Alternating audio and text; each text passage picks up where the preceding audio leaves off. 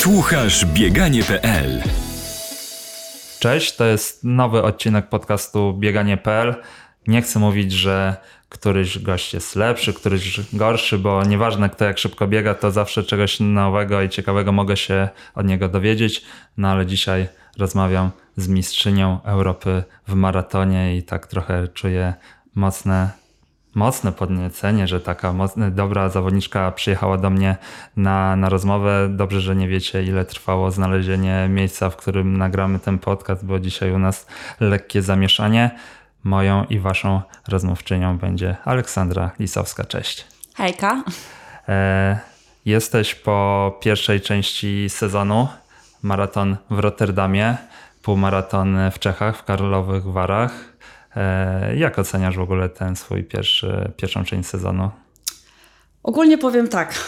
Jestem zadowolona, ale uważam, że został niedosyt. Po jednym starcie, jak i po drugim, ponieważ e, oczekiwałam od siebie dużo więcej.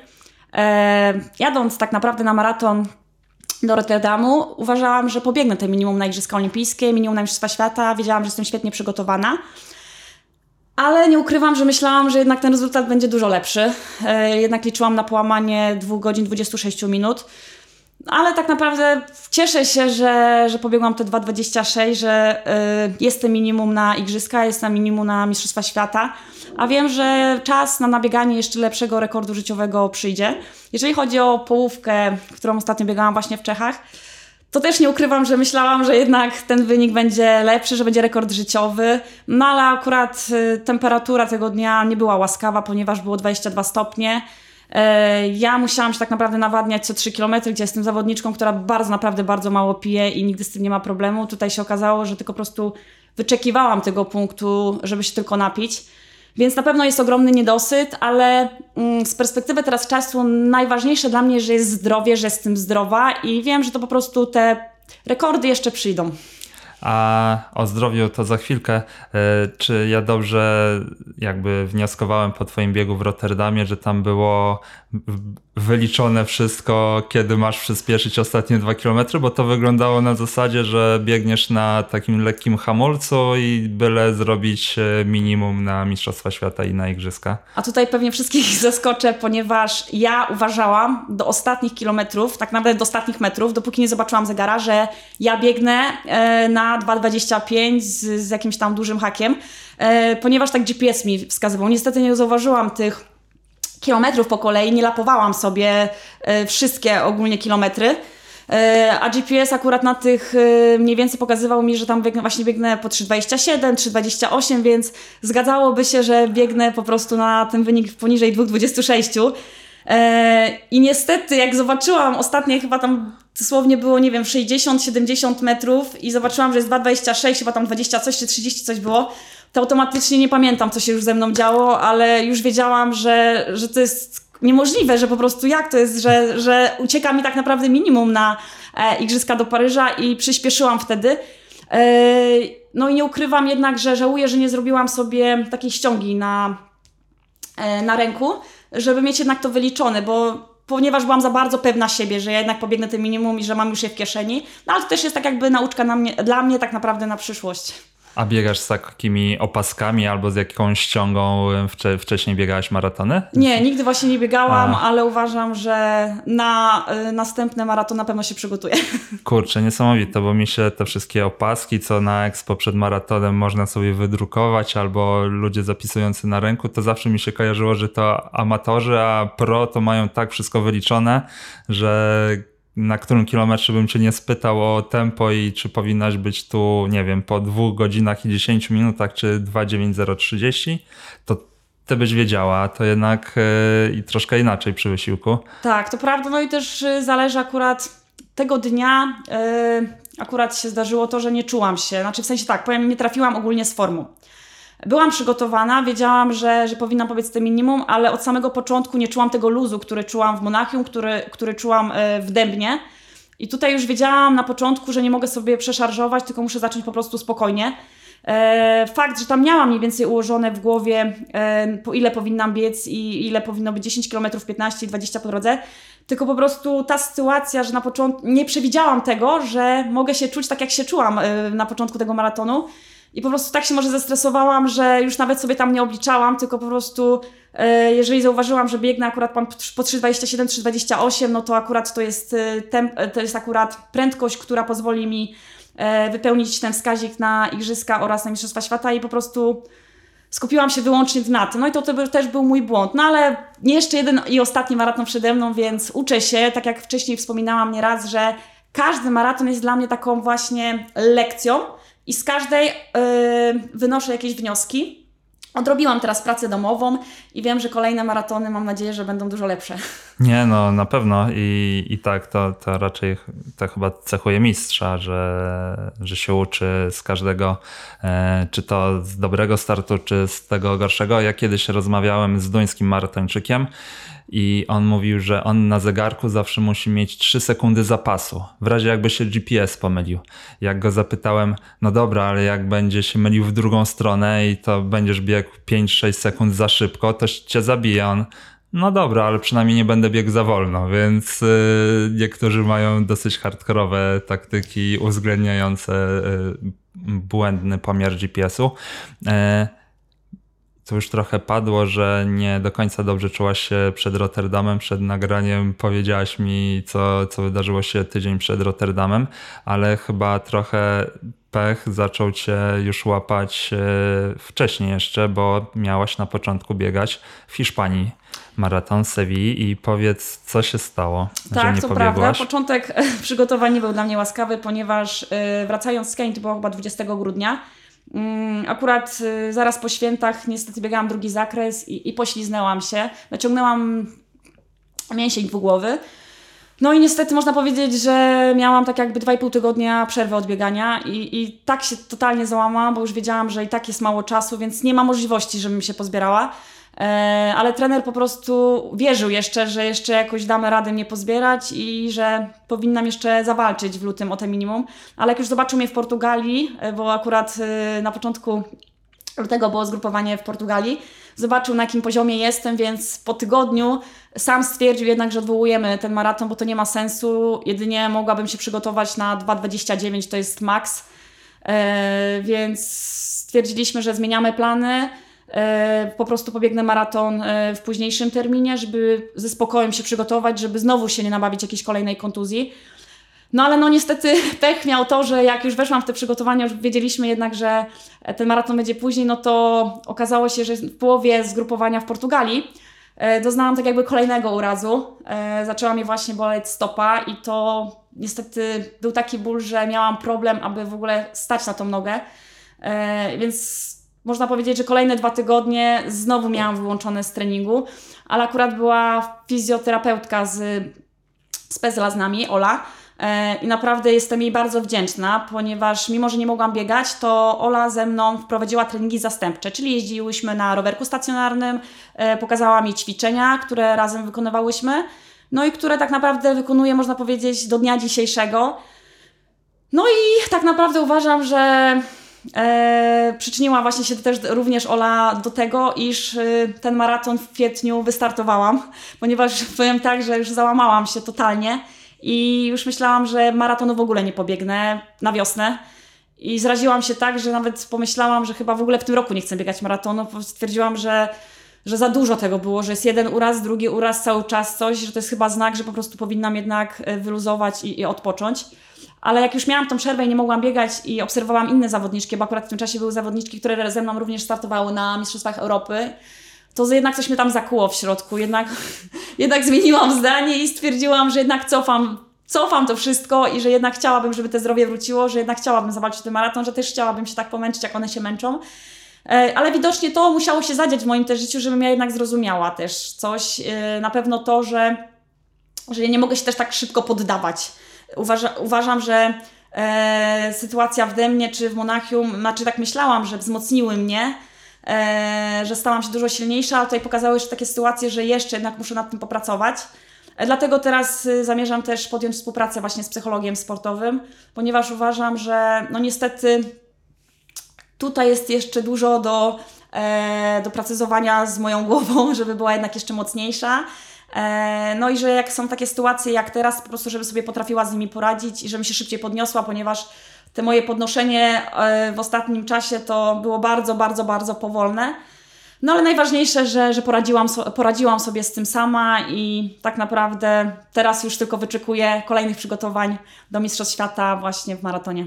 A to jest bardzo profesjonalne podejście, że chcesz e, współpracować z psychologiem. Chyba w, wśród polskich e, biegaczy i biegaczek długodystansowych to nie jest popularne.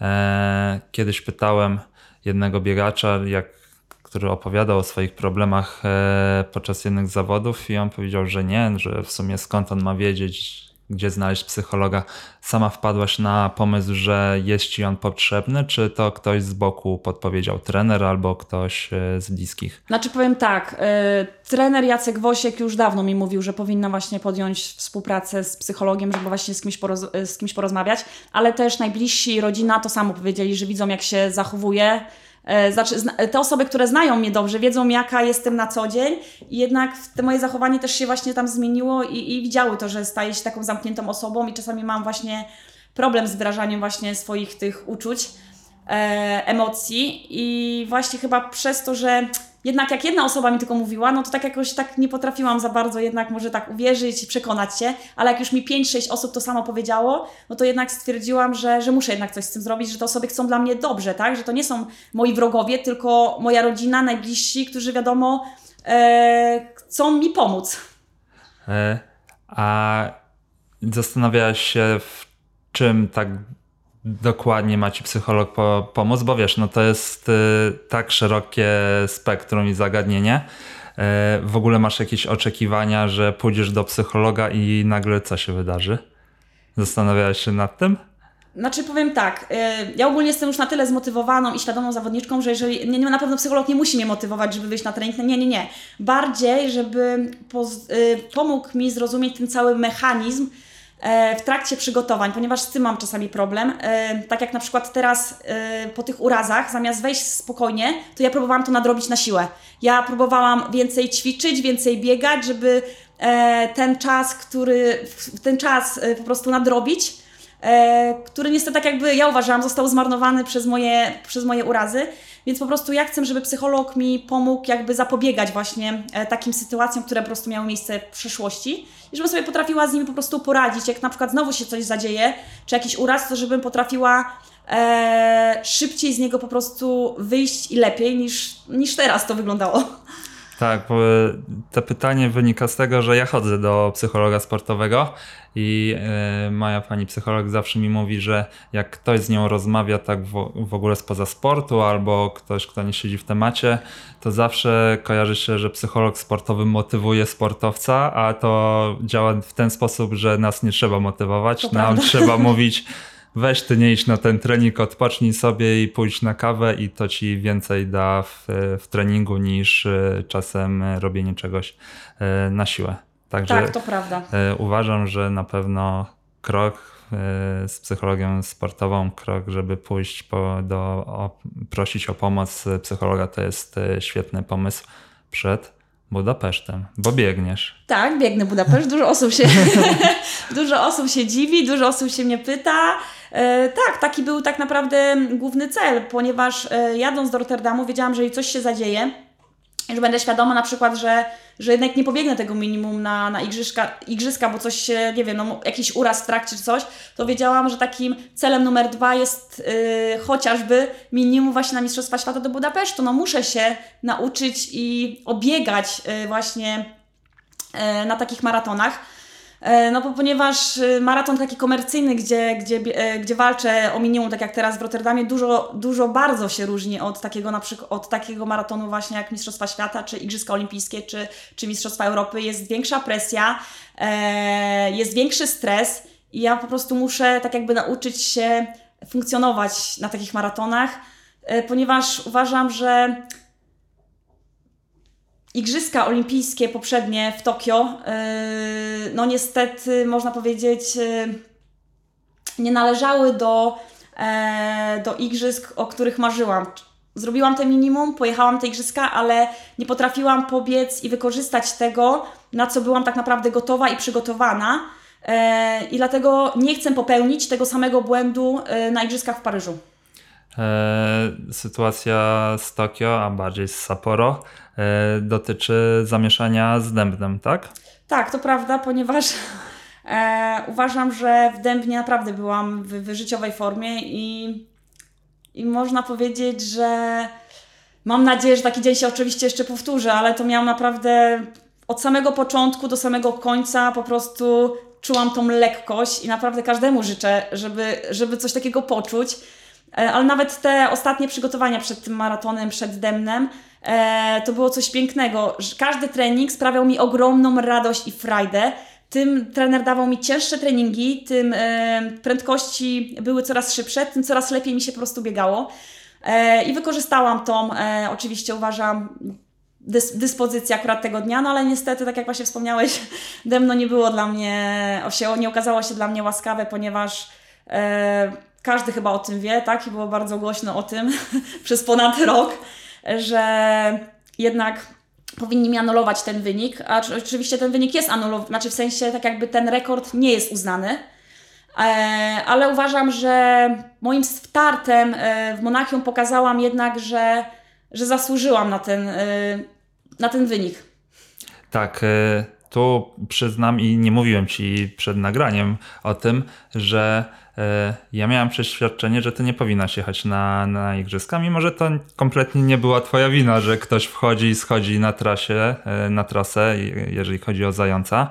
E, No ale no nie wszystko było zgodnie z przepisami World Athletics i to, że tam to trwało miesiącami, żeby sędzia w końcu przyznał, że to nie było tak, jak być powinno, e, było trochę dziwne, ale z drugiej strony to, co powiedziałeś, że w Monachium nie, nie chcę powiedzieć, że odkupiłaś swoje winy, bo ty nie miałaś win żadnych z, ty, z tym demnem, ale pokazałaś jednak, że, że chyba ci się należy na pewno tytuł Mistrzyni Europy i e, ja w ogóle się nie wzruszam za bardzo, ale ty byłaś, e, nie pamiętam, żebym w dorosłym życiu się wzruszył, e, no teraz nawet mi się język plącze, e, jak oglądałem jakieś zmagania sportowe, a ty jak jak widziałem, że tam zdobędziesz medal, to kurczę, szalałem przed, przed telewizorem i naprawdę byłem wzruszony. Właśnie z tym dębnem. Ty masz życiówkę zaliczoną z dębna, a rekord jest jakby nieuznany.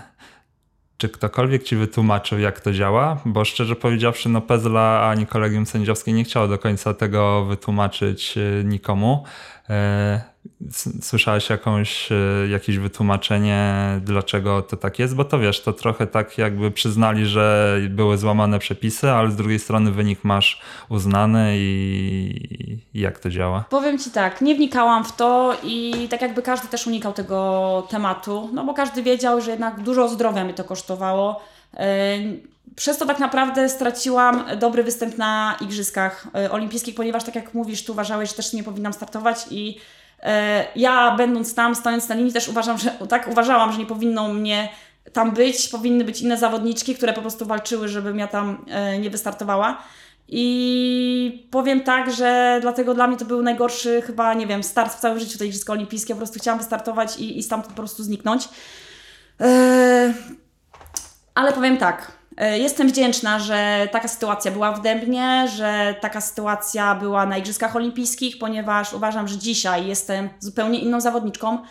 I ja wiem, że ja ten rekord pobiję, tak? Yy, To, że anulowali mi go z Dębna, no to jest tylko kwestia czasu, yy, ponieważ uważam tylko, że muszę trafić akurat z dyspozycją dnia, danego po prostu dnia. No akurat teraz w Rotterdamie no nie udało się, nie miałam tej formy akurat tego dnia, ale ja wiem, że taki dzień po prostu nastanie. Jestem świadoma, co jeszcze mogę pobiec i po prostu mam nadzieję, że to udowodnię, więc yy, dzisiaj yy, można powiedzieć, że wybaczam po prostu wszystkim, którzy, którzy walczyli e, o anulowanie tego wyniku i uważam, że to wszystko, co się działo, widocznie musiało się dziać, żebym została mistrzynią Europy.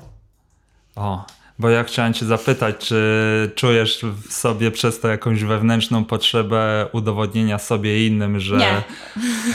Już właśnie nie, nie. tak. Uważam, że, że nie. Po prostu ja wiem, jak trenuję, wiem, jak jestem zdyscyplinowana. E, powiem tak, każdego dnia wstaję i próbuję e, zrobić coś więcej, by być lepszą z dnia poprzedniego. E, nie brakuje mi motywacji, a wręcz uważam, że medal. E, w Monachium dał mi tyle pewności siebie, e, że, że po prostu nie boję się wyzwań i pokonywać kolejnych e, barierek po prostu w moim życiu. A to jest bardzo amerykańskie podejście, bo jak zapytasz polskiego sportowca, to on, a- a biegacza to już w ogóle, to on nie wie, o w sumie to tak średnio się trenowało i coś tam, a ty tu już... Ale kiedyś też taka byłam. Ja też byłam kiedyś nieśmiała, brakowało mi pewności siebie, e, nigdy nie wierzyłam tak w siebie, jak wierzę teraz. Nawet jak zrobiłam super trening, to i tak uważałam, że nic z tego raczej nie pobiegnę, bo to tylko pobiegłam pięć odcinków, więc jak ja mam przebiec maraton, e, a teraz na przykład wiem, że nawet jakbym przebiegła pięć razy jeden odcinek zupełnie... E, zupełnie nawet wolniej niż bym oczekiwała, to dla mnie jest najważniejsze to, jak ja się po prostu czułam. Kiedyś myślałam, że muszę biegać dużo szybciej, a te przygotowania mi pokazały, że nie trzeba nie, bie- nie biegać nie wiadomo jak szybko, ponieważ jakby ktoś usłyszał, na jakich ja teraz prędkościach operowałam przed tym maratonem, to nikt by w życiu nie powiedział, że, że jestem w stanie pobiec minimum na Igrzyska Olimpijskie. Ja cię przemagluję, to zaraz y, stęp odcinków y, i, i mikrocykli w ogóle, ale ty mówisz, że ta pewność siebie to wpłynął medal i, e, i sytuacja zdębna, że to wpłynęło na to, że się zmieniłaś. E, Ale myślę, że jak oglądałem relację z Monachium, to na twojej twarzy było widać pewność. Więc ta pewność już była przed medalem. Chyba, że w twojej głowie już wiedziałaś, że go zdobędziesz na, na 100%, ale jak się oglądało ostatnie 2-3 kilometry, to e, Holenderka Brinkman, która w Rotterdamie rok wcześniej pobiegła 2,22, no to ona była przerażona. E, Na zasadzie, co tu się dzieje? Miałem zdobyć złoto, a jednak e, nie jest tak łatwo. A ty jak trochę jak robot parłaś do przodu i tam była no, pewność siebie kipiała wręcz, więc to chyba już przed medalem było. Tak, ponieważ y, ja takiej pewności siebie nabrałam na treningach, czyli tak jakby ostatnie 3-4 tygodnie przed, przed maratonem, kiedy trener dawał mi jakieś tam określone jednostki treningowe i ja po prostu biegałam dużo szybciej niż mi kazał i czułam się coraz lepiej. To jest o tym, co Ci wcześniej właśnie wspominałam. E, I tutaj właśnie to samo czułam, właśnie co przed Dębnem, no to czułam też przed Monachium. E, tylko właśnie przed Dębnem można powiedzieć, że biegałam nawet chyba jeszcze troszeczkę szybciej, niektóre jednostki treningowe wychodziły mi, ale tutaj czułam jeszcze większy luz. E, więc można powiedzieć, że pamiętam na, po którymś z treningów właśnie trener powiedział, że kurde, marzy mu się, żebym jednak e, zdobyła ten medal na Mistrzostwach Europy, no bo z tych treningów wynika, że, że powinnam być naprawdę bardzo wysoko.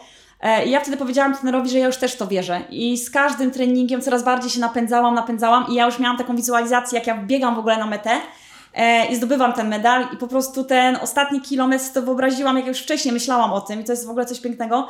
Więc e, tak jak właśnie wspomniałeś, ja wierzyłam to, miałam tą pewność siebie. Jak już biegłam, to ostatnie kilometry sobie jeszcze przypomniałam te wszystkie takie wszystkie sytuacje, które po prostu się działy w moim życiu i one tak jakby, dlatego powiedziałam e, to wcześniej, że jestem wdzięczna za wszystko, co się wydarzyło, za te wszystkie przykre sytuacje, bo one stały się taką moją siłą napędową, takim motorkiem, dzięki któremu uważam miałam właśnie na ostatnich kilometrach tą taką siłę, która właśnie mnie, można powiedzieć, e, popchała właśnie do przodu, żebym jednak zawalczyła o ten medal, mimo że tam e, nie dowierzałam. Były takie momenty, mówię, gdzie? Przecież w końcu któraś mnie z dziewczyn dogoni, to jest niemożliwe, tak? Ale jak sobie przypominałam tylko właśnie te wszystkie sytuacje przykre, można powiedzieć, z przeszłości i to, co się po prostu działo, to stwierdziłam, że chyba mi dzisiaj najbardziej zależy, żeby jednak wygrać ten maraton. No i tak się udało.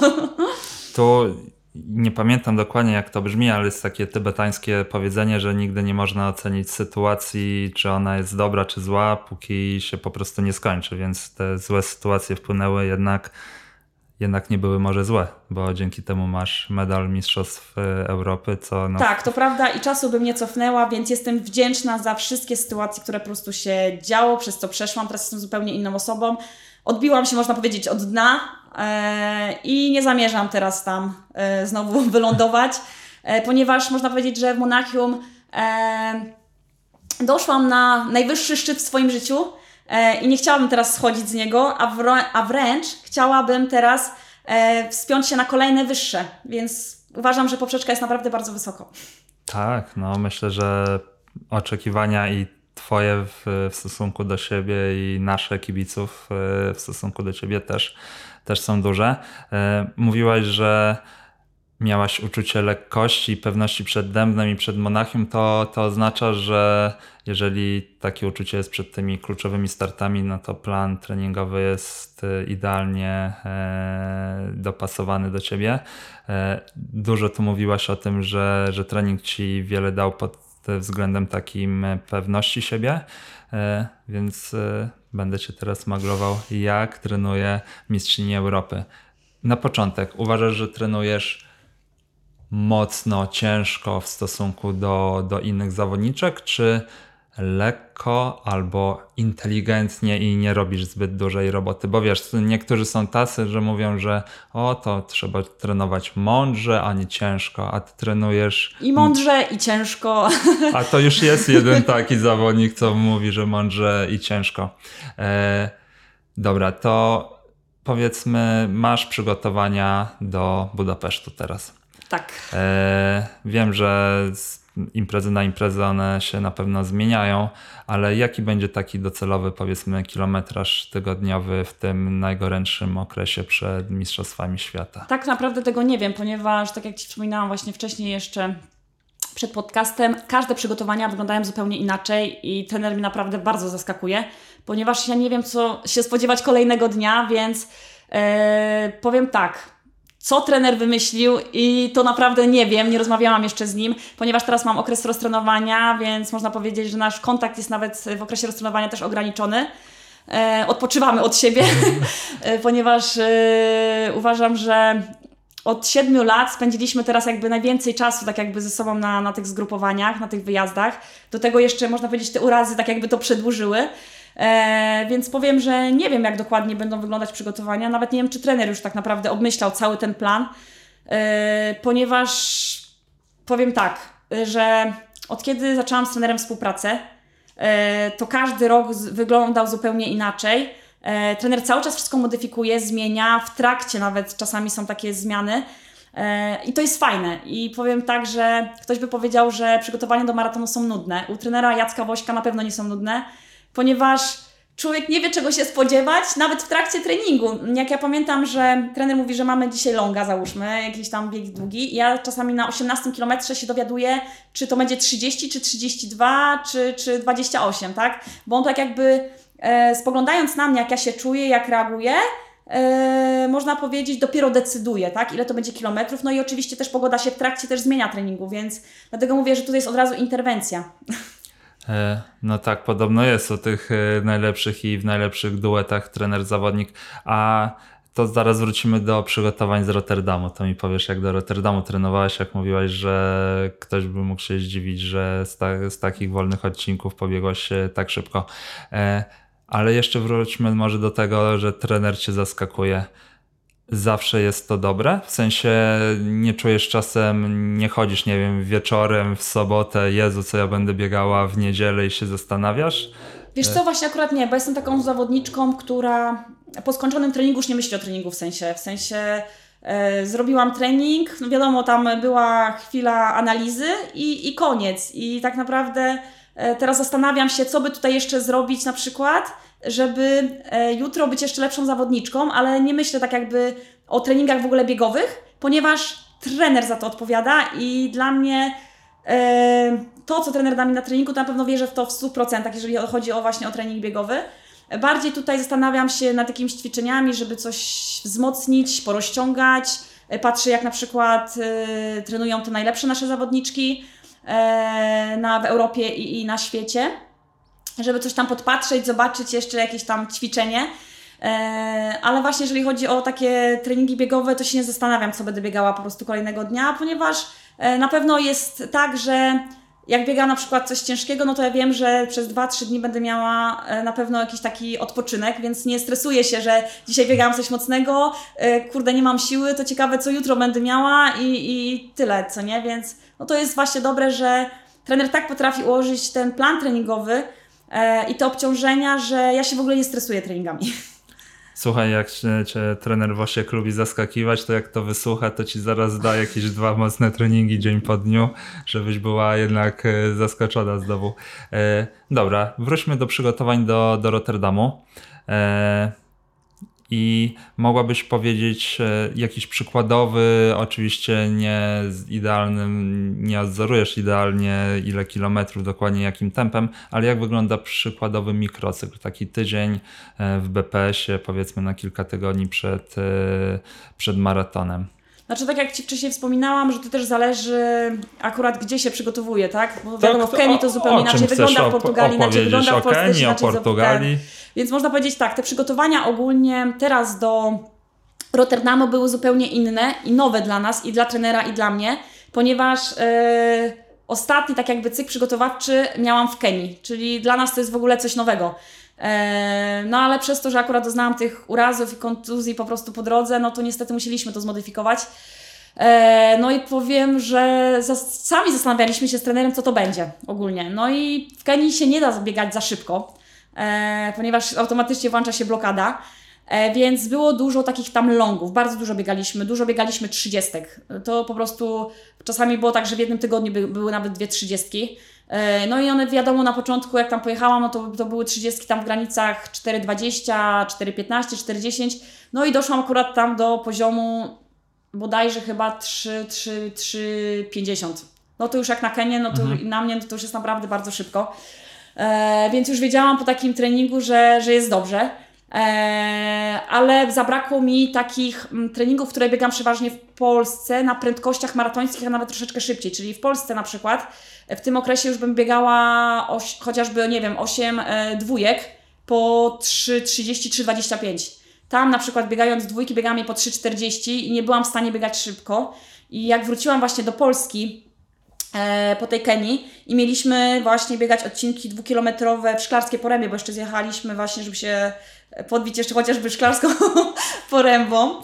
E, I tam miałam biegać odcinki dwukilometrowe, no i trener powiedział, że dobra, zacznij tak po 3,30, a później jak się rozkręcisz, to biegaj szybciej. Ja tak naprawdę pobiegłam chyba dwa odcinki po 3,30, a później już było po 3,35, nie byłam w stanie biegać szybciej, po prostu no nie byłam.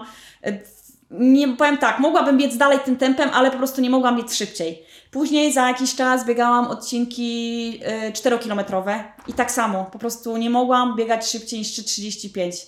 Więc no niestety no miałam tą blokadę. I, ale powiem tak, i powinnam się zestresować, powiedzieć, że jestem za słaba i w ogóle, ale wiedziałam, że jak będzie maraton, to ja wiedziałam, że ja ten maraton po te 3.30 powinnam przebiec bez problemu, więc nie stresowałam się, dlatego to jest ta zmiana we mnie. Wcześniej bym panikowała, bym stwierdziła, że nie biegnę, bo jestem za słaba, że coś jest nie tak, a tutaj miałam ten spokój wewnętrzny i po prostu wiedziałam, że widocznie tak ma być. Lepiej, żeby było tak, niż żebym miała biegać, nie wiem, po 3.20, a później na maratonie nie potrafiłabym tego przełożyć. No tak, to mistrzowie treningu to często się zdarzają. Nawet ja się czasem te, na, tym, na tym łapię.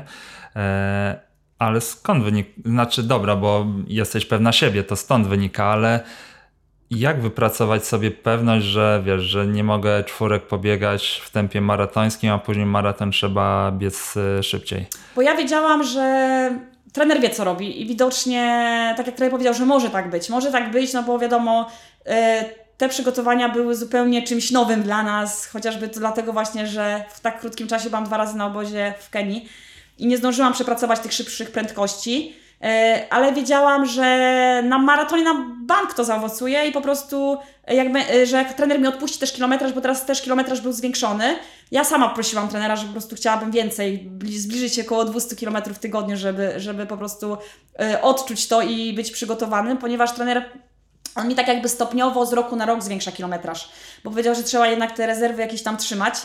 E, No i w tym można powiedzieć właśnie roku doświadczyłam w końcu gdzieś tam zbliżenia się do 190 km w tygodniu i to też był, było coś dla mnie nowego, więc organizm tak jakby e, doznał za dużo bodźców, uważam, w krótkim czasie przed maratonem, więc to jest, uważam, coś normalnego i trener powiedział, że musimy być świadomi, że tak może być. I on powtarzał mi to tyle razy i za każdym razem mi to tłumaczył, że ja wiedziałam, że mogę być po prostu spokojna, że te 3.30 powinnam po prostu dać radę pobiec. Więc yy, dlatego mówię, że ten e, medal w Monachium naprawdę zmienił mnie strasznie. Oczywiście pozytywnie, tak, w pozytywnym Nie, słowa no, znaczeniu. Widać naprawdę, no rzadko widać po polskim sportowcu taką pewność siebie i taką radość z tego, co, co, co robi. E, A jak było na tych 190 km tygodniowo? Jak się Super, czułaś? powiem tak, uwielbiam biegać dużo kilometrów, tym biegnę dłużej, e, tym lepiej się po prostu czuję i e, jakby trener mi kazał nawet, znaczy powiem tak, jakby trener mi powiedział, że mam biegać nawet 220-230, to ja po prostu bym była przeszczęśliwa z tego po- powodu. Naprawdę dla mnie bieganie na e, dużym kilometrażu nie sprawia w ogóle problemów. Ja nie mam problemów nawet jak robię rytmy, to ta dynamika tak jakby zostaje. Nie jestem jakaś zamulona, czy, czy nie czuję w ogóle tego kilometraża. Nawet sam trener powiedział, że jak zwiększamy kilometraż, to ja zaczynam na treningu nawet lepiej wyglądać, tak? Że nie podskakuję tak do góry, tylko że e, ta stopa jest tak jakby właśnie e, bardziej idzie do przodu niż idzie też do góry, że e, i ta technika też zupełnie inaczej, lepiej wygląda, więc uważam, że w przyszłości może ultra. O, to jest deklaracja, kurczę, chyba dam taki tytuł. Aleksandra Lisowska, w przyszłości ultra. E, kurczę, ale to ja, ja się złapałem rok temu na tym, że jak zbiegam mało kilometrów, to mi się biega źle. W sensie fajnie jest na tydzień zejść z objętości, bo człowiek czuje się, że ma nagle mnóstwo energii, ale jak to trwa dłużej niż tydzień, to nagle czuje się słabo. Tak I jak też, mówisz, dlatego ja byłam e, świadoma tego, że teraz, e, tak jak Ci powiedziałam, jest duży kilometraż, jest e, plus ta Kenia, że to jest dużo naprawdę bodźców. Ja wiedziałam, że jak e, dłużej właśnie już posiedzę w Polsce, że kilometraż e, zejdzie, no bo trener naprawdę, jeżeli jak schodzimy z kilometraża, to trener schodzi, e, można powiedzieć, z 70% naprawdę, ze 190 my wyszliśmy dosłownie na w tygodniu, nie wiem, z 50 mi wyszło, 60, naprawdę. I nagle nie wiadomo, co z czasem I powiem robić. tak, że nie mogłam się odnaleźć właśnie na tych ostatnich biegałam kilometrówki. Ostatni trening to były takie kilometrówki, to dla mnie nie było problemu przebiec y, bodajże chyba 6 albo 7 razy kilometr po 3,15, 3,14, gdzie jeszcze niedawno, pamiętam, wtedy biegałam dwójki, to po 3,35 biegałam, tutaj nagle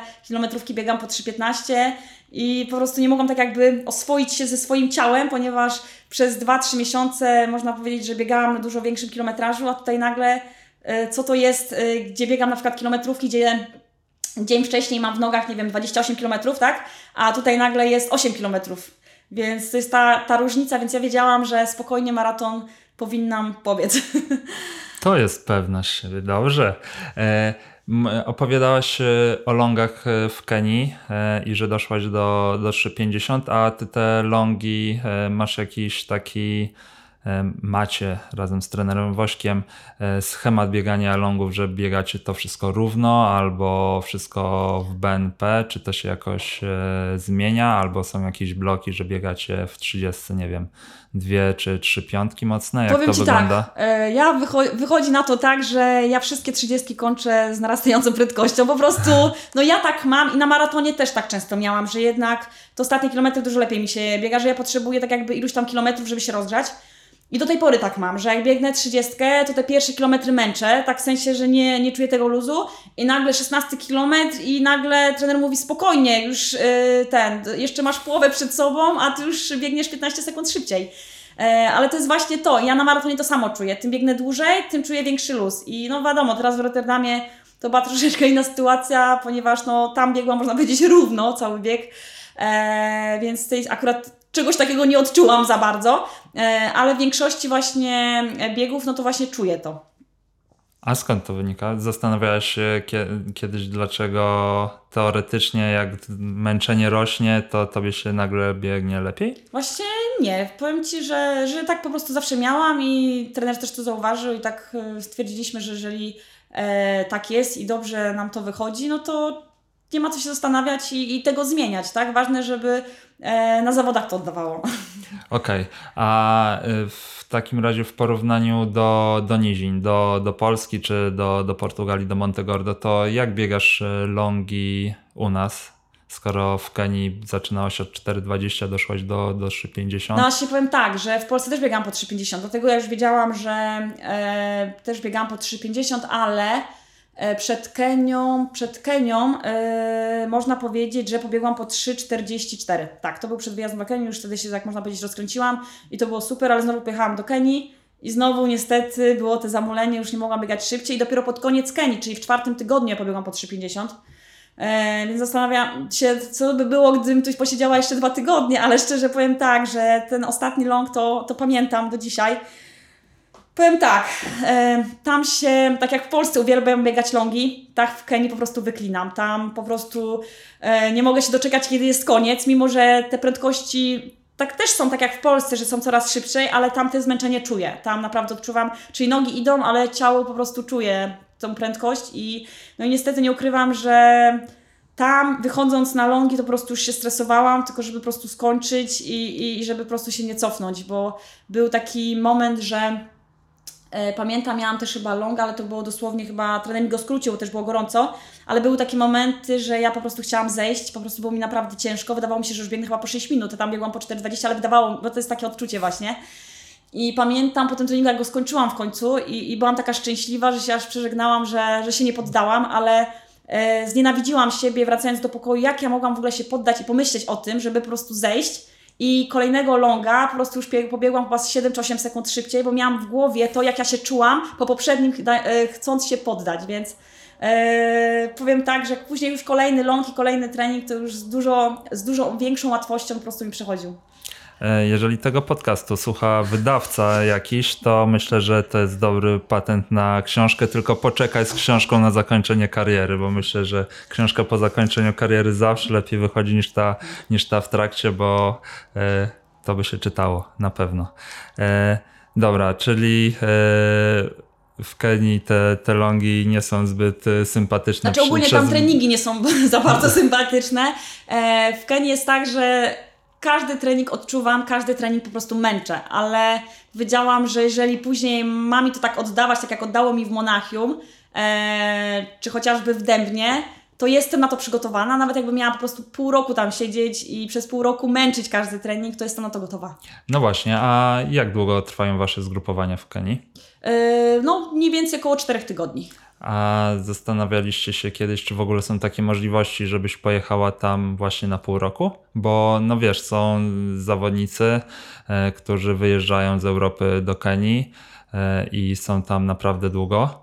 E, albo w ogóle, nie wiem, Amerykanki przecież w Boulder też żyją na, na wysokości czy, czy w Albuquerque i nie myślałaś, żeby spróbować długiego pobytu? Powiem tak, rozważyliśmy to z trenerem, e, nawet już podjęliśmy rozmowę na ten temat, tylko że trener powiedział, że teraz przed igrzyskami to jest może za bardzo ryzykowne, tak, że to było trzeba przetestować, więc jest taka nadzieja, że tak w przyszłości będzie. Czyli po igrzyskach y, będziesz jak, jak Wanders, zamieszkasz y, w Kenii. No wiesz, no nie oszukujmy się, nie mam 18 lat, więc po prostu teraz trzeba to wykorzystać, te wszystkie bodźce i trzeba spróbować, no jeżeli nie spróbuję, no to skąd będę wiedziała, tak? Też Więc jestem na to gotowa, żeby siedzieć ciągiem pół roku w Kenii. No odważnie, nawet jak trening jest, nie, jest, y, nie jest przyjemny. E, A teraz przed, y, przed Budapesztem już masz e, obozy dogadane? E, tak, mamy dwa tygodnie w Szklarskiej Porębie od 13 czerwca i później cały lipiec e, w St. Maurice. No i później stwierdziłam, że chciałabym jednak e, ten ostatni miesiąc, czyli ten ostatni cykl spędzić po prostu w Olsztynie w domu, e, ponieważ nie oszukujmy się, w Budapeszcie będzie gorąco, e, więc uważam, że siedząc na przykład w Szklarskiej, bo takie, takie, takie były plany, no to jednak może e, nie, mogę nie odczuć tej temperatury, która będzie w Budapeszcie, więc wolałabym się przygotow- przygotowywać już ten ostatni etap, przetrenować go w podobnych temperaturach e, i warunkach, jakie po prostu będą w Budapeszcie. Mówisz o tym, że będziesz w Szklarskiej w St. Moritz i mi się w głowie zapala lampka. Zadać jej to pytanie i trochę ją y, podkopać, y, bo wiesz, była, ten sam case był chyba przed y, Tokio, że przed Tokio albo przed mistrzostwami w Berlinie w 2018, że nasi maratończycy siedzieli w St. Moritz, walił śnieg, pojechali na imprezę, gdzie był upał i Dlatego tak, ale... a u ciebie jest A tak. u mnie jest tak, że tak, będę w Szklarskiej, będę w, w St. Moritz, ale z St. Moritz wracam tak jakby 27 lipca. A maraton jest miesiąc później, więc ja będę miała jeszcze ten mi- miesiąc na aklimatyzację, dlatego chcę wrócić do Olsztyna i po prostu biegać w słońcu. biegać w słońcu, żeby przyzwyczaić się do tej temperatury, więc e, taki jest po prostu plan, ponieważ tak jak właśnie wspomniałeś, e, słyszałam o tych właśnie przypadkach. Nawet, e, można powiedzieć tak, ja sama tego nawet doświadczyłam, ponieważ jak trenowałam do Monachium, to trenowa- mieliśmy ostatni tak jakby cykl przygotowawczy w Jakuszycach i większość treningów ja biegałam na zakręcie śmierci. I tam było naprawdę, można powiedzieć, idealnie do biegania, tak? Nie, ta temperatura była duża niższa niż później była w Monachium, ale jak przyjechałam do Olsztyna, no to później wiedziałam, że muszę to nadrobić, czyli wychodziłam wtedy, kiedy było gorąco, e, i akurat biegałam e, po takich terenach, gdzie było te słońce. Dodatkowo jeszcze e, posłuchałam Mariusza Giżyńskiego, który powiedział, żebym jednak zakładała jeszcze jedną warstwę na siebie, e, żeby po prostu było mi cieplej. E, Więc pozdrawiam Mariusza Giżyńskiego, e, że, że go posłuchałam i jak biegałam właśnie jakieś tam jednostki treningowe, to zakładałam top i dwie koszulki na przykład na siebie. To jest bardzo pro podejście. Naprawdę. E, nie to, żebym to uważał, że no, zdobyłaś złoty medal Mistrzostwa Europy, ale e, kurczę, nie, nie wiem, czy kojarzy mi się jakiś inny polski biegacz długodystansowy czy biegaczka e, z takim pro podejściem, żeby uwzględnić i warunki atmosferyczne i, i to Znaczy wszystko. uważam, że mam ogromne szczęście, ponieważ e, ostatnie lata spędziłam e, trenując wśród naszych najlepszych maratończyków i, i maratonek, tak? Bo e, byliśmy wspólnie na, na zgrupowaniach przeważnie, więc e, udzielono mi dużo fajnych, jak widać, rad. e, I z których po prostu korzystam, tak? No bo nie oszukujmy się jednak, chłopaki od nas czy dziewczyny już biegały te maratony na bardzo wysokim poziomie, więc każdy ma jakieś dużo więcej ma doświadczeń.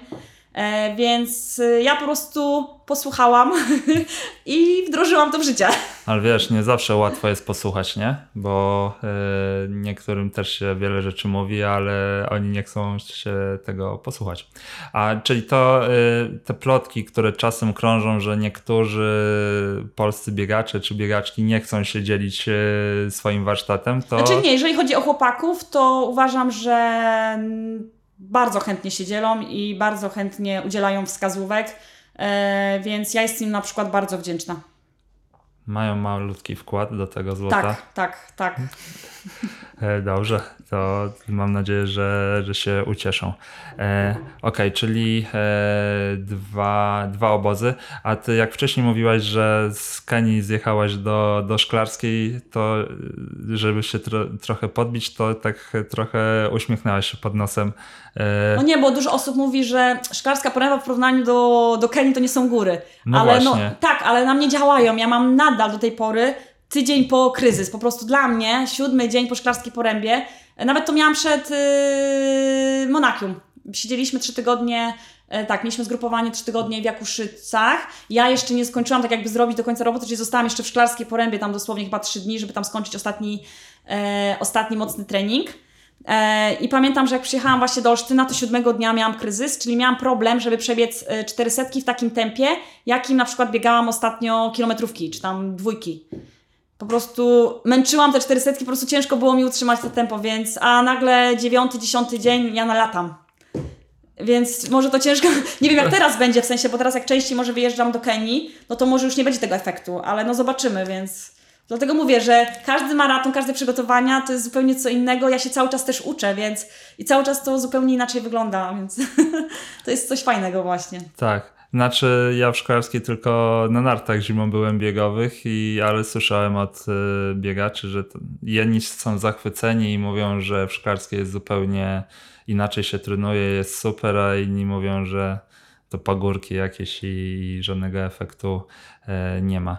Mówiłaś, że każde przygotowania to, to nauka, e, a ty ostatnio byłaś e, poddawania, poddawana trochę badaniom naukowym, bo byłaś e, w centrum badawczym twojego nowego sponsora Pumy. Tak, to prawda i naprawdę jestem pod ogromnym wrażeniem, e, ponieważ ten profesjonalizm e, z ich strony, jak ja tam po prostu przyjechałam i wiedzę, którą po prostu otrzymałam, to jest coś bezcennego i, i mam nadzieję, że to pozwoli mi biegać jeszcze szybciej. Chociaż co najbardziej mi się spodobało to, że kiedy tam przyjechałam do, do Niemczech, do tego laboratorium, e, to reasumując te wszystkie, można powiedzieć, wyniki badań, e, najważniejszą, jaką radę otrzymałam, to jest tak jakby, aby zapobiegać kontuzji w przyszłości. Czyli nie, żeby poprawić, e, tak jakby, e, że numerem jeden nie jest poprawienie właśnie wyników, tylko tak jakby, żeby zapobiec właśnie powstawaniu urazów właśnie w przyszłości.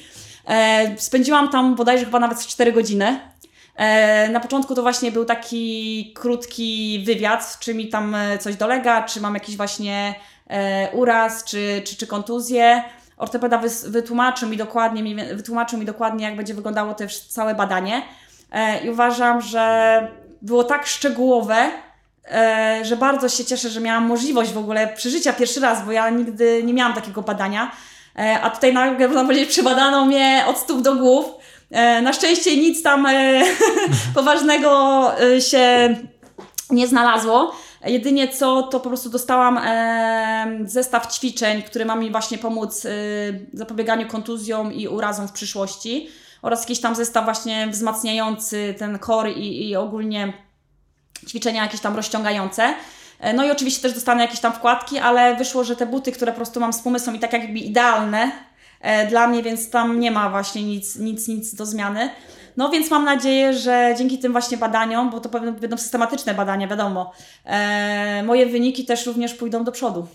A to ciekawe, bo, bo te Nitro Lab y, Pumy pod Frankfurtem, tak? Tak, E, To jest zupełna nowość e, z tego, co słyszałem. Tak, Całkiem zupełna- nieda- tak. niedawno się otworzyli w ogóle Puma mocno. Teraz przecież biegaczy stopu ty, Molly Seidel e, z maratonek, czy Jacobs, mistrz chyba wszystkiego, bo on jest i mistrzem Europy, świata i olimpijskim na setkę, e, jest w Pumie.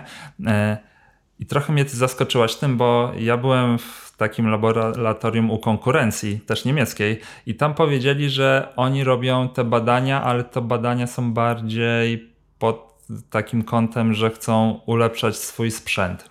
A ty mówisz, że te badania, że sponsor nie chce ulepszyć, na pewno ulepsza sprzęt y, na podstawie tych badań, ale też chce ulepszyć twoje bieganie. tak.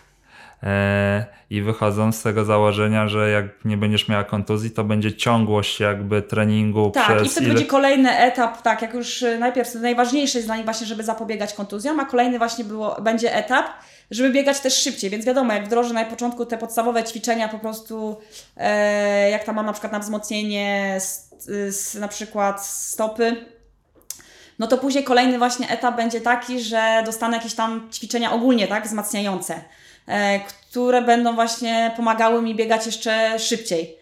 Ale właśnie dlatego mówię, że dla mnie to właśnie naj, znaczy najważniejsze jest to, że mogę czuć się po prostu bezpieczna, tak? Bo dla nich jest jakby number one to jest moje po prostu zdrowie, tak? Żeby nic się po prostu nie wydarzyło, a nie żeby robić jak najszybciej po prostu wyniki, tak? A nieważne co będzie ze mną za rok czy dwa, tylko tak jakby myślą długofalowo, żebym ja biegała jak najdłużej.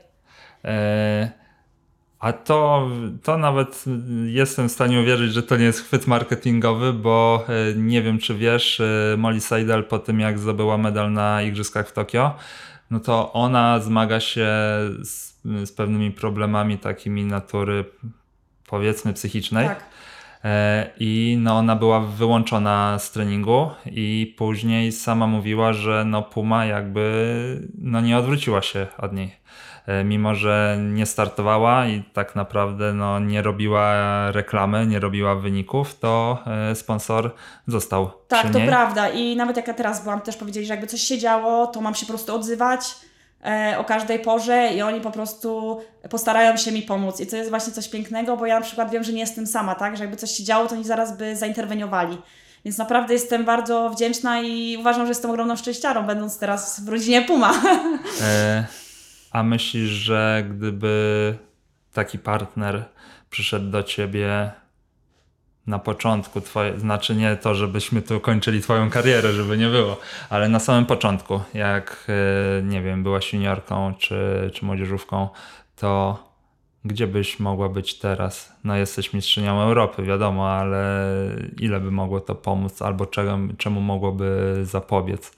Na pewno uważam, że nie byłoby tych, znaczy mogłoby zapobiec, tak, tym jednak urazom i, i te moje, można powiedzieć, jakieś te wady, tak, które teraz wykryto, by się nie pogłębiały.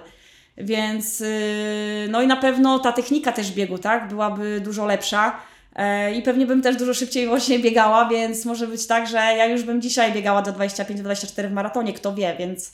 e, Ale powiem tak, e, broni jeszcze nie składam, więc wiem i czuję, tak, że najlepsze jeszcze lata przede mną, więc to, że akurat y, Puma się akurat pojawiła teraz y, w moim życiu, no to trzeba to po prostu wykorzystać i mam nadzieję, że, że razem będziemy podbijać nie tylko Europę, ale i świat. Pięknie, odważnie. E, powiedziałaś, że, że buty, w których biegasz, są idealnie dopasowane do Twojej stopy. E, w jakim modelu? E, No to właśnie biegałam w tym e, Nitro Elite. E, I I- one są akurat, to są buty właśnie startowe i teraz w nich biegałam e, maraton, biegałam w nich półmaraton i te wszystkie szybsze odcinki i naprawdę nie miałam w ogóle żadnego problemu, czyli e, jak założę nawet nowe buty, nie muszę ich w ogóle rozbiegiwać. Ja nie mam naprawdę problemu, żeby zrobić od razu longa w nich, tak? I nie mam żadnych obtarć, więc to jest super, że, że ja nawet jakby, nie wiem, spóźniły się buty i bym je dostała dosłownie godzinę przed startem, to ja je po prostu biorę w ciemno i wiem, że nic się nie, nie stanie, tak? W trakcie biegu.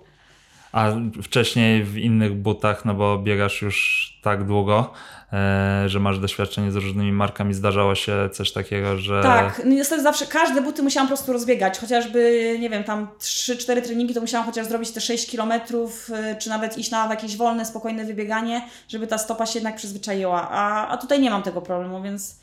Yy, dlatego ta technologia, wiadomo, to wszystko idzie też do przodu, wiadomo, że z roku na rok te buty są coraz lepsze Mhm. i, i, yy, i więc dlatego naprawdę dla mnie to jest duży plus. No w ogóle Puma chyba dopiero wchodzi tak mocno na, na polski rynek, no nie mają jeszcze tak wysokiej pozycji jak, jak konkurencja, chociaż no chyba mają Ciebie po to, żeby właśnie tu uświadomić Polakom, e, że można w nich e, szybko biegać. E, W jaki, Ty wszystko biegasz w startówkach? Nie, na pewno Znaczy nie. powiem tak, ogólnie do Monachium było tak, że biegałam wszystko w butach treningowych, wcześniej jak biegałam, trenowałam do Monachium, a teraz przez to, że miałam po prostu urazy i kontuzje, to można powiedzieć, e, poszłam na skróty. poszłam na skróty, ponieważ nie oszukujmy się, w tych butach startowych jednak e, czuć tą dynamikę, e, jest ta sprężystość i dzięki temu mm, ten trening przychodzi z dużo większą łatwością i moje ciało tak jakby nie jest tak e, obciążone i, przemęczone. I tak jakby jest szybsza regeneracja przed kolejną jednostką treningową. Wiedziałam, że nie mam teraz czasu e, za dużo do kolejnego maratonu, więc wiedziałam, że po każdym mocnym treningu, jakbym biegała w zwykłych butach, tak, bez, e, bez karbonu, to jednak to zmęczenie jest większe, więc teraz wszystkie jednostki treningowe wykonywałam po prostu w butach startowych. E, Czyli to też jest dla mnie coś nowego, czyli to jest kolejny w ogóle nowość dla mnie, ponieważ tak jak wcześniej było tak, że ja ostatni etap tylko zakładałam karbony, czyli dosłownie ostatnie trzy treningi robiłam tylko w karbonach przed y, startem docelowym, a teraz można powiedzieć, że całe przygotowania biegałam w karbonach. No właśnie, tak, wiem, że to jest nowość, bo z Twoim trenerem e, robiłem kiedyś krótki wywiad do materiału o butach startowych e, i to było dawno temu i znaczy dawno temu, no jakiś czas temu i on właśnie mówił, że nie, no Ola to już tak pod koniec tylko, żeby nogę I przyzwyczaić. tak było, a tutaj niestety no po prostu nie miałam tego czasu, więc y, no tak jak mówię, poszłam na skróty, tak? No właśnie nie wiem, czy to jest pójście na skróty, no bo jak coś działa, e, wiesz, No nie, niby tak, ale wiesz co, ja lubię mieć ten efekt e, taki na zawodach, czyli jak na przykład biegałam, przy no Monachium przynajmniej było to odczucie i, i na tych treningach, jak na przykład biegałam jakieś odcinki w takich normalnych butach, bez karbonu i później założyłam te karbony, no to jednak czułam, że biegam te 5 sekund szybciej, a jestem mniej zmęczona. Że w sensie właśnie i nawet trener e, zrobił taki test. I wyobraź sobie, że zmierzył mi zakwaszenie e, po piątym odcinku, załóżmy, e, odcinki dwukilometrowe. I zmierzył mi e, po trzecim, po piątym, chyba po szóstym, jak biegałam w zwykłych butach. I te zakwaszenie szło cały czas do góry. I nagle walnęłam e, ostatnie dwie dwójki w karbonach i zakwaszenie poszło w dół. Czyli coś o tym świadczy. e, dobra, to pytanie kontrowersyjne. Czy to jest doping? Nie, no to nie jest doping technologiczny.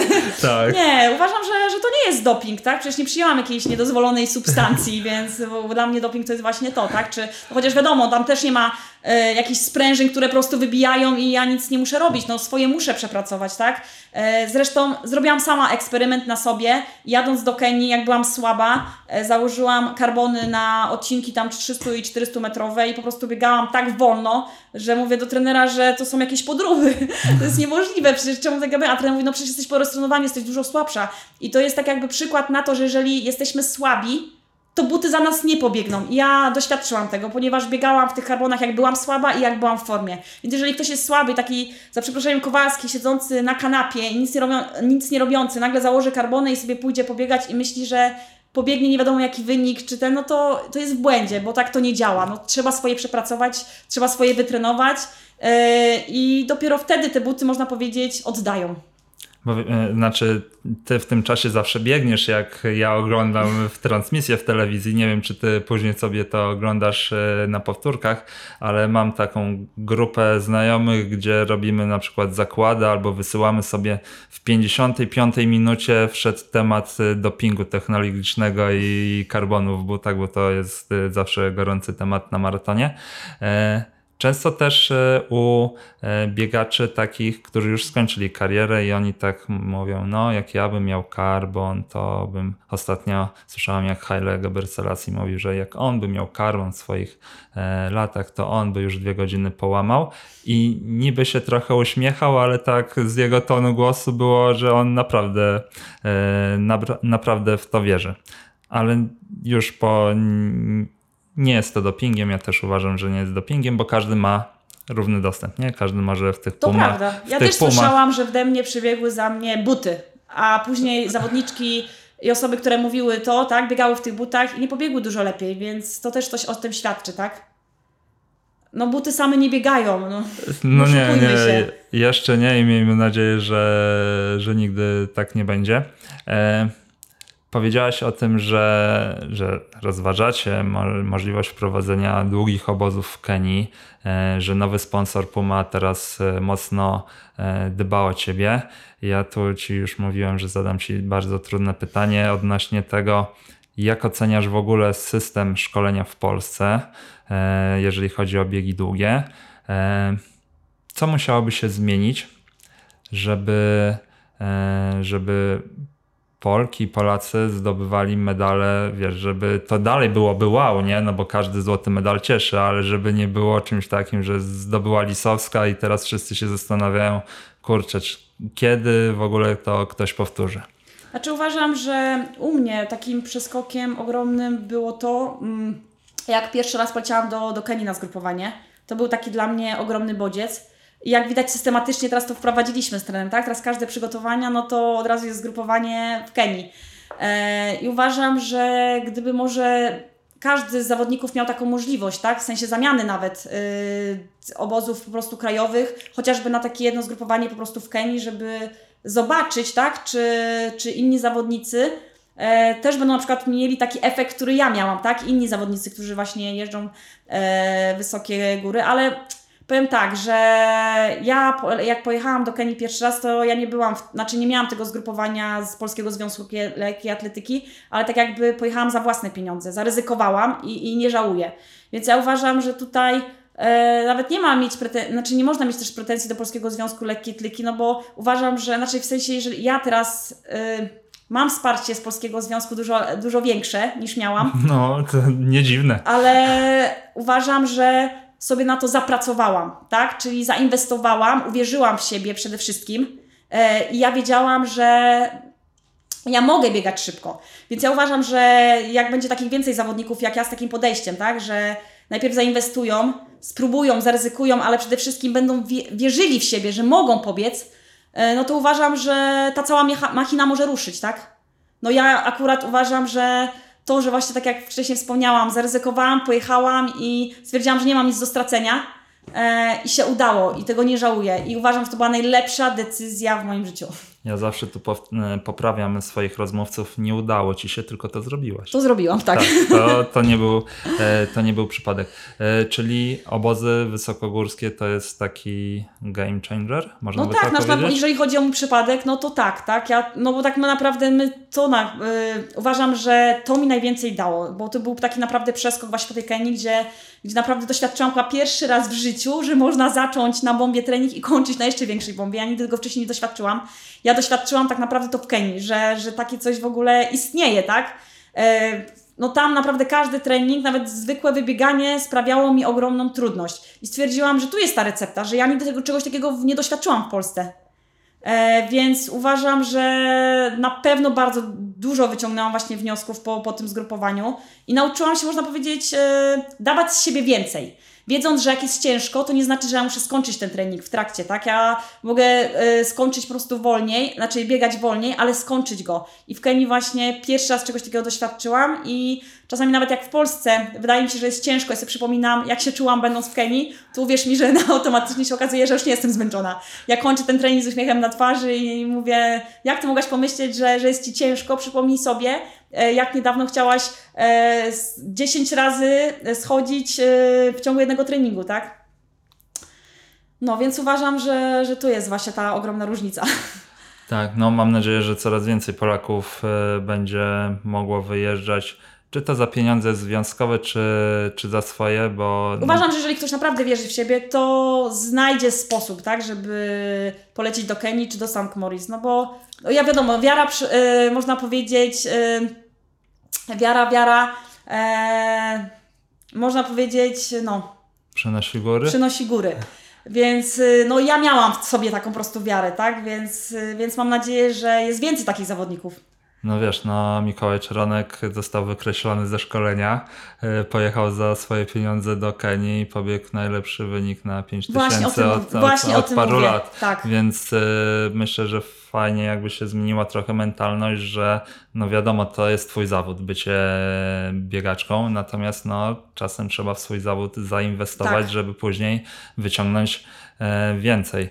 E, bar- I ty mówiłaś, że tak wynika z tego i bardzo to popieram, że sama zainwestowałaś i nie mogłaś bez wyników e, oczekiwać wiele od Pezla. Znaczy ja uważam, że, znaczy ja zawsze mam taką zawodniczką, że ja chciałabym zapracować, ja nie chcę dostawać nic za darmo. I tutaj uważam, że sobie to wypracowałam i zapracowałam na to ciężko i pokazałam jednak, że warto we mnie inwestować, ponieważ jeżeli będę miała odpowiednie warunki, no to jestem na tyle zdeterminowana i pracowita, że zresztą sobie po prostu samo poradzę. E, ale znaczy tak, mimo że sam e, często mam jakieś zgryźliwe komentarze do Pezla i cały czas Państwa tu zapraszam do mnie do podcastu, mam nadzieję, że w końcu przyjdziecie, e, ale jak e, zdobyłaś złoty medal i tak się ciekawe, czy się nad tym zastanawiałaś, jak zdobyłaś złoty medal w Monachium, to ja tak powiedziałem, że super. I teraz pytanie, czy to nie podkopie polskich biegów długich, bo Pezlo będzie mówiło, patrzcie, robimy wszystko idealnie, bo Lisowska zdobyła złoty medal. Yy, myślisz, że to napędziło szkolenie, czy osiądą teraz na laurach? Ci... Znaczy powiem tak, ja o tym nie myślałam. Yy, Ja biegam dla siebie, o tak. I nawet jakbym nie miała ws- wsparcia z Polskiego Związku Lekkiej Atletyki, to i tak bym biegała, ponieważ wiem, że mam jeszcze jakieś rezerwy i że mogę jeszcze biegać, że jeszcze nie powiedziałam swojego ostatniego słowa, o tak. Więc nie myślałam o tym i, i po prostu ja będę biegać, nawet jak nie będę miała żadnego wsparcia, to zawsze wiem, że znając mnie i mój charakter i temperament, że zawsze coś wykombinuję, o tak. No myślę, że po dzisiejszej rozmowie będziesz miała dużo wsparcia w różnych e, kręgach wśród kibiców e, na pewno. Biegasz e, dla siebie i nie powiedziałaś ostatniego słowa, to się dobrze łączy z tym, że zbliżając się do końca. Już? A ch- chcemy jeszcze wałkować. E, chciałbym, żebyś e, jednak, mimo że biegasz dla siebie, to dała trochę rad dla maratończyków, ale amatorów.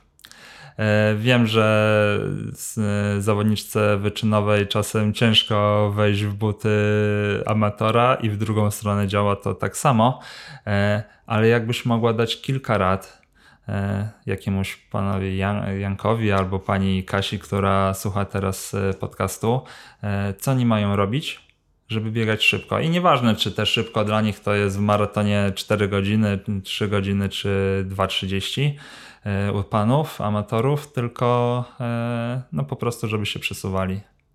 No Co by mistrzyni im radziła?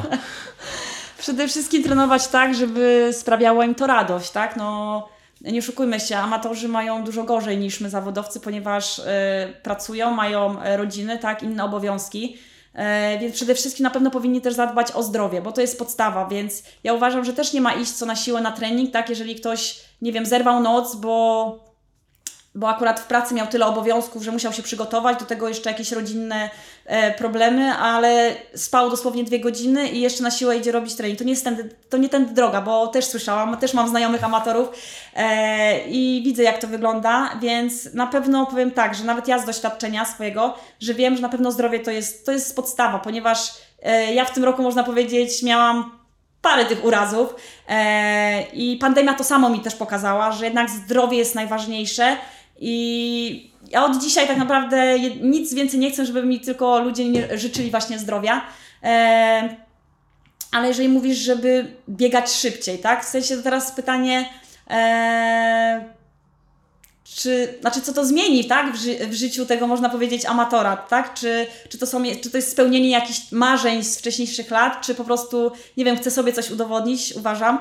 E, więc powiem Ci, tak jak powiedziałeś, no ciężko mi wejść w tą drugą skórę, e, ponieważ łatwiej pewnie na pewno by mi było odpowiedzieć, jakbym była już amatorką, tak, już bym zawodowo nie bieg- biegała, no to też pewnie e, bym miała jakieś e, lepsze rady, tak, a nie oszukujmy się, no nie jestem ekspertem od tego, ponieważ ja mam e, inne podejście, tak, w sensie bieganie to jest tak jakby e, powiedzieć moja praca, mój zawód, I czasami naprawdę ja się dziwię, jeżeli na przykład słyszę, że kolega czy koleżanka, którzy spędzili 12 godzin w pracy, do tego jeszcze e, zaprowadzili dziecko do szkoły, e, jeszcze jakieś inne obowiązki, i o 22 oni potrafią jeszcze iść pobiegać. I ja mówię, kurde, ja mówię, czasami ja mam wyrzuty sumienia, bo ja na przykład y, wracając z podróży, tak, ze zgrupowania, e, wolę iść na spacer, bo boję się, że sobie coś, nie wiem, naderwę, tak, bo spędziłam 12 e, na przykład godzin w podróży, więc ja czasami po prostu się dziwię, skąd, y, skąd, skąd, skąd e, ten pomysł, w sensie i, i dlaczego. Rozumiesz mnie? No po prostu, no ja jestem w ogromnym szoku, naprawdę szacun i podziw, ale ja na przykład, no nie wiem, czy ja bym tak potrafiła, o tak.